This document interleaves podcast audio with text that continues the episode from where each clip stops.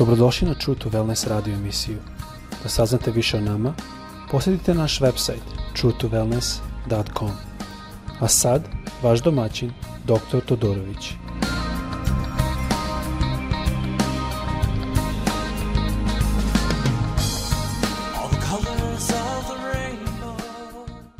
Ljubazni dobar dan, pozdravljam sve u ime Isusa Hrista, u čije ime i mi radimo ovaj podcast – Želeo bih danas da podelim s vama nešto što mi je zanimljivo. Nadam se da nam neće smetati moj naglasak. Ja sam odrastao u Kanadi, kao što znate, onda srpski mi je malo slabiji. Ali želeo bih da podelim s vama o priči o Sodomi i Gomori. Naime, ja sam uvek mislio kao većinu, možda što vi slušate isto, da je to priča o homoseksualcima, sodomanstima, o ljudima koji se bave sa jako strašnim stvarima.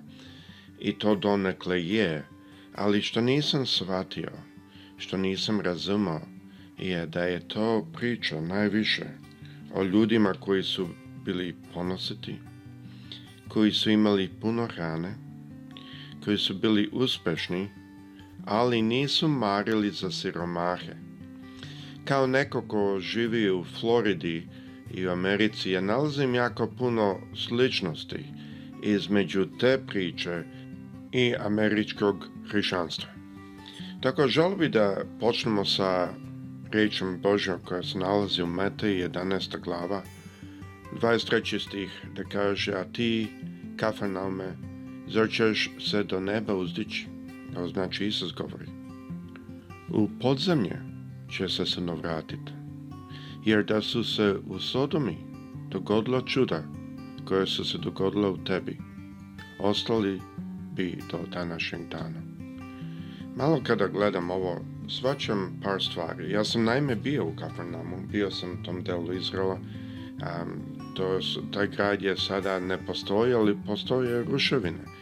Može da se vidi gdje je Isus bio, gdje je govorio Naša grupa je baš tu sala i malo smo studirali reč Božju dok smo bili tu. To je zanimljiva erija pored eh, Galilejskog mora. Eh, lepa erija.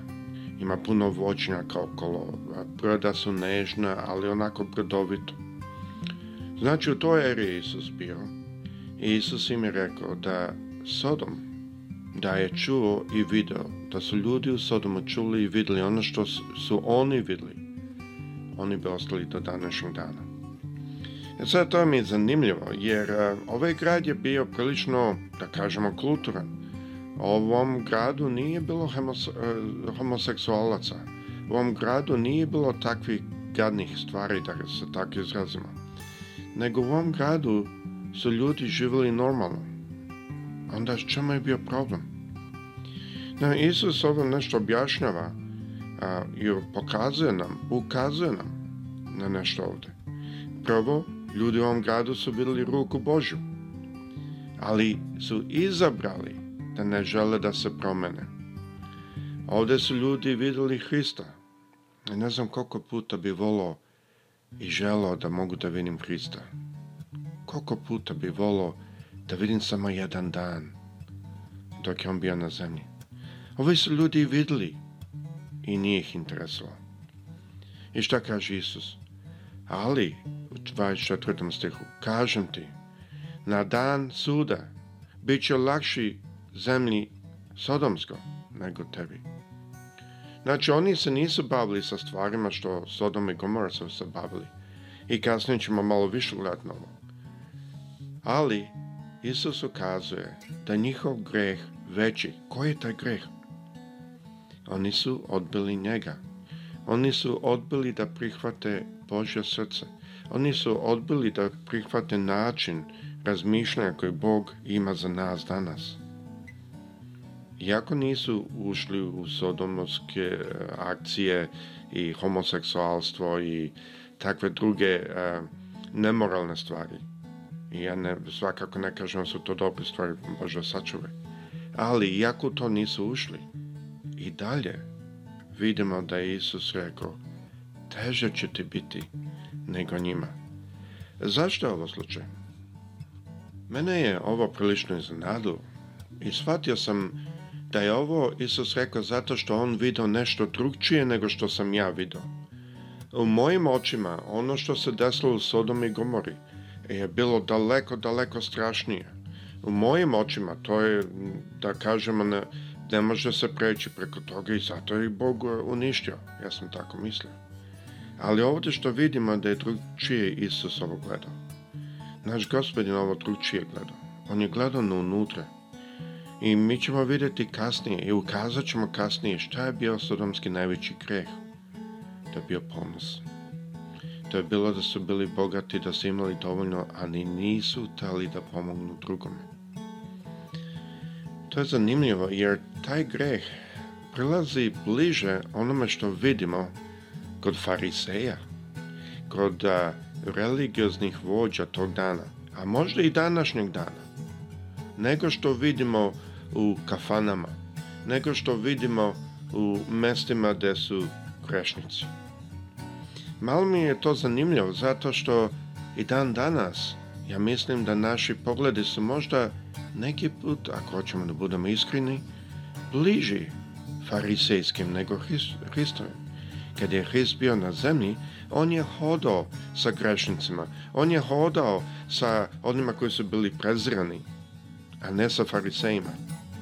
A mi, ako smo iskreni danas, kad gledamo ljude u kafanama, kad gledamo ljude koji idu u takvim mestima, mi onako okrenemo, pa treba im Božja milost, mi kažemo, ili a, e, Bog treba da im se smile, ne, tako neke duhovne stvari iznesem, ali u stvari mi je Ali kad Isus bio na zemlji, on se družio sa njima. Zašto?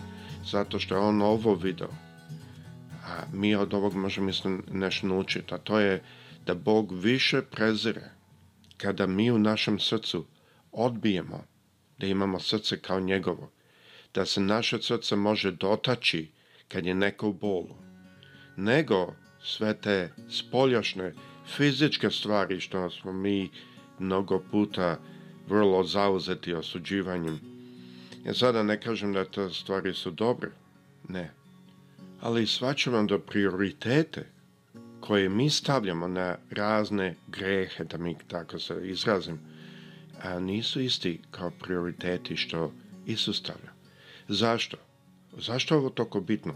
Zato što to znači da naše srce ne razume uvek ono što je bilo u Isusovom srcu.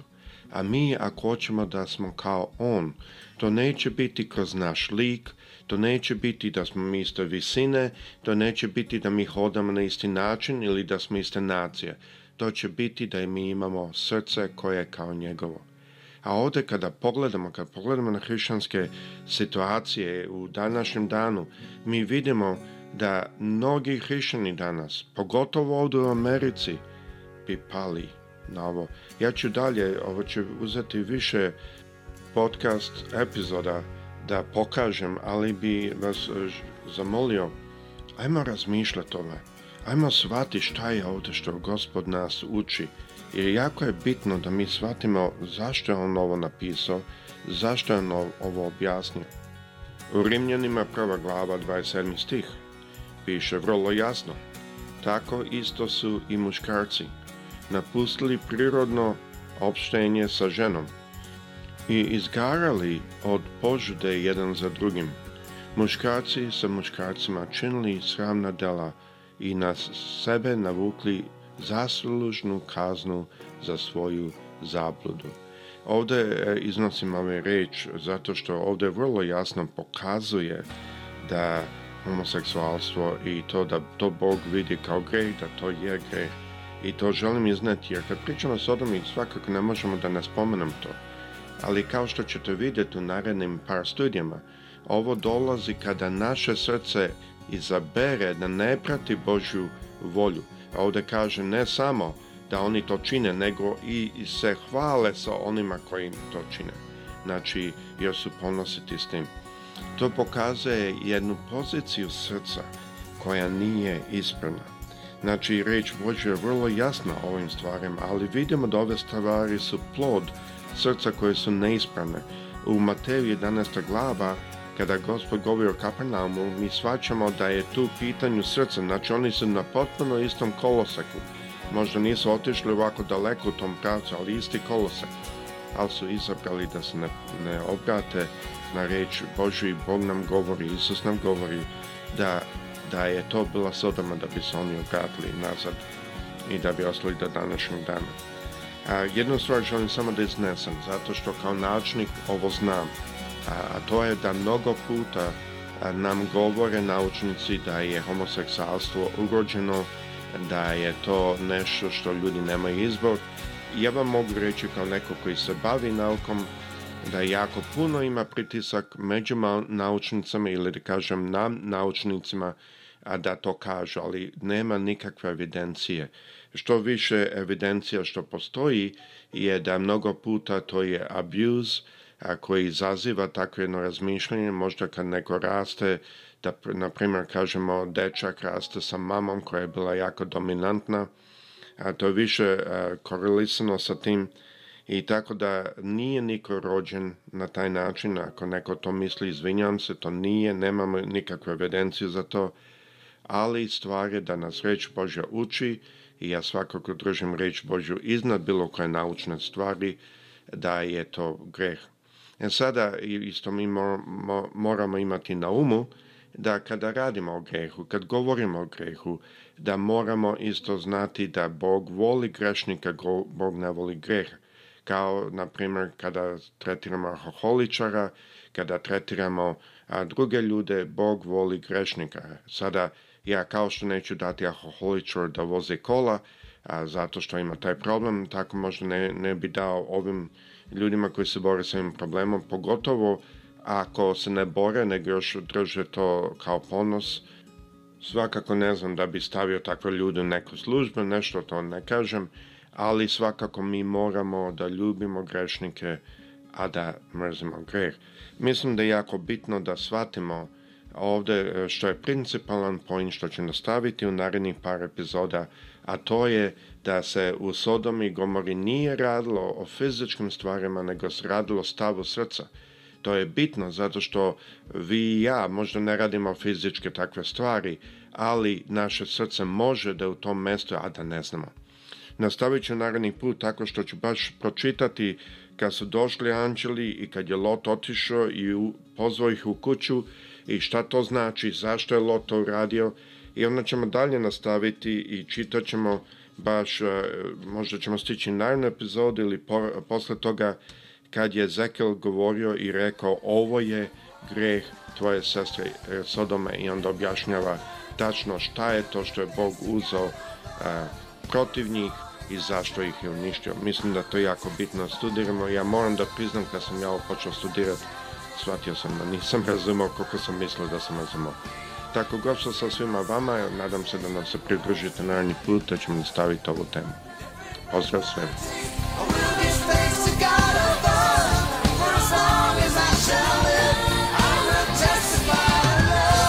Slušajte True to Wellness radio emisiju.